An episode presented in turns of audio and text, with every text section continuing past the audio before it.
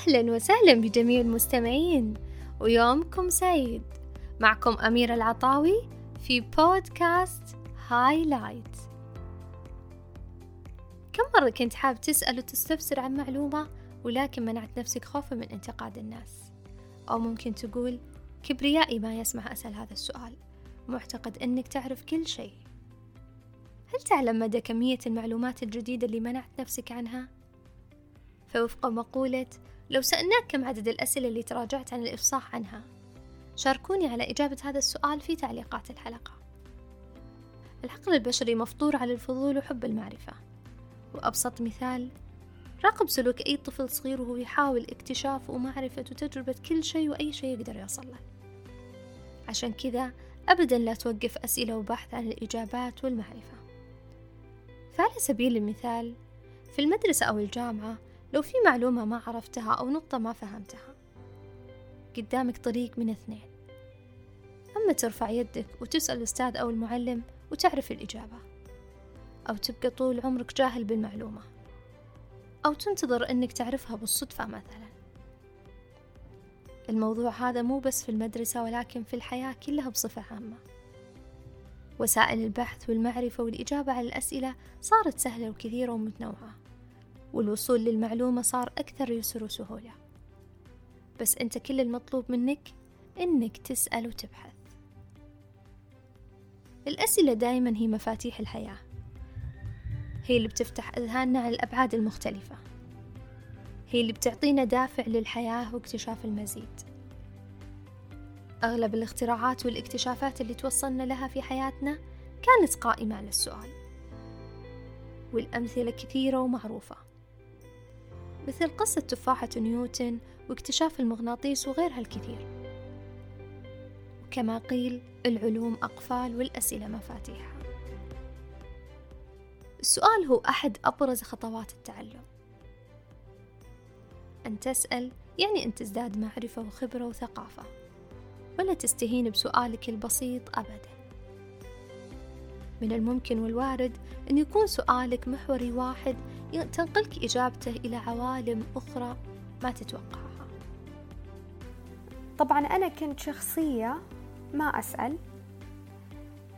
لما يكون في شيء في خاطري أبغى أسأل عنه ما أسأل. طبعا أكون مستقصدة. وورا هذا الاستقصاد شعور بالخوف بالخزي إيش بيقولون عني الناس؟ إلى آخره.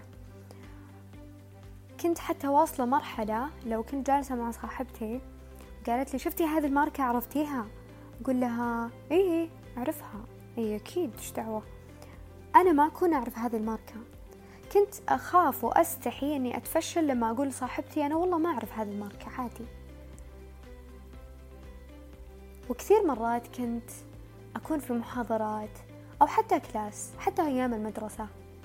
كانت الأستاذة تشرح وتقول شيء أنا ما أعرفه ومرة يكون بخاطري إني أسألها. لكن أسكت خوفا من نظرة الطلاب أو الطالبات. كيف بيكون شكلي لو سألت سؤال وإيش بيظنون بيقولون هذه غبية سؤالها مرة بايخ وش كل أحد يعرف إجابة هذا السؤال إيش جاب بالها أو يا الله ليتها ما سألت نبغى الحصة تخلص بدري. إنه مثلا جلس يجاوب الأستاذ وقت طويل. في مرة من المرات جتني لحظة إدراك أنه السؤال مو شي يفشل وإذا أنا أبغى أسأل راح تكون هذه أحد الوسائل أني أتعلم من خلالها ممكن حتى تكون أقواها. فأنا قررت أني أغير هذه العادة وأسأل لو في بالي سؤال. في البداية كان مرة صعب لأن كانت تجيني نفس الأفكار ويتبعها نفس الشعور من الخزي وإنه يو فشيلة أو أخاف من ردة فعلهم.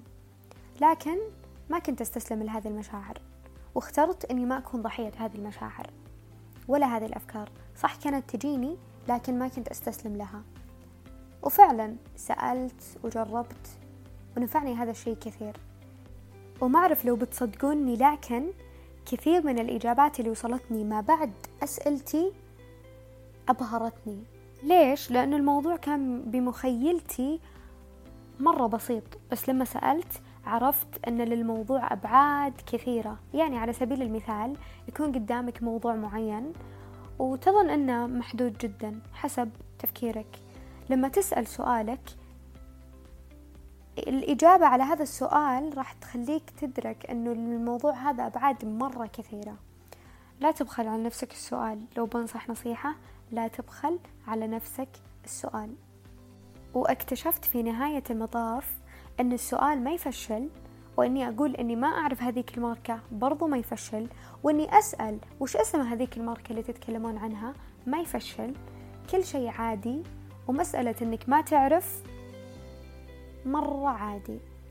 لما إحنا نتقبل بشريتنا ونؤمن بأنه مو المفترض أنه إحنا نعرف كل شيء راح نرتاح مرة كثير. فعلا فعلا لما تتقبل أنه أنت مو مستر جوجل مرة بترتاح. نفس ما ذكرت لين لنا أحد الأمثلة الواقعية اللي هي عاشتها وقدرت من خلالها تبدأ تسأل بدون ما تخاف من رأي الناس. أو تستسلم للذات المزيفة اللي بدورها تشعر الشخص بالكبرياء. جميعنا نعرف بأن غالبية العلماء ابتدوا مسيرتهم بالسؤال. هذه الأسئلة جلبت لنا الكثير من الاختراعات اللي تسهل علينا العيش في الزمن الحالي. في السؤال عمق وعالم يدخلك العالم آخر جميل في عقول الناس. أو إن صح القول في عقول الآخرين. فلما تسأل أحدهم عن شيء أنت بصفتك تدخل إلى عقل ذلك الشخص وتكتشف الكثير من خبراته اللي هو وصلها لك من خلال إجابته. هنالك الكثير من المعلومات اللي باقي ما عرفناها. وما أوتيتم من العلم إلا قليلا. استمتع وأنت تتعلم أشياء جديدة وتسأل وتذكر إن السؤال حق من حقوقك. ومو حاجة تفشل أبدا. وتذكر بعد أن من توقف عن السؤال ازداد جهلا رسالتي من خلال هذه الحلقة هو أن لا تستهين بسؤالك.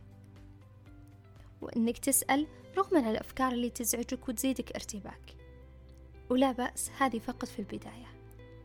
بعد كذا بتعرف أن حق من حقوقك أنك تسأل. أختم الحلقة بمقولتي المعتادة. كل يوم بداية جديدة. ألتقي بكم في بداية قادمة بإذن الله.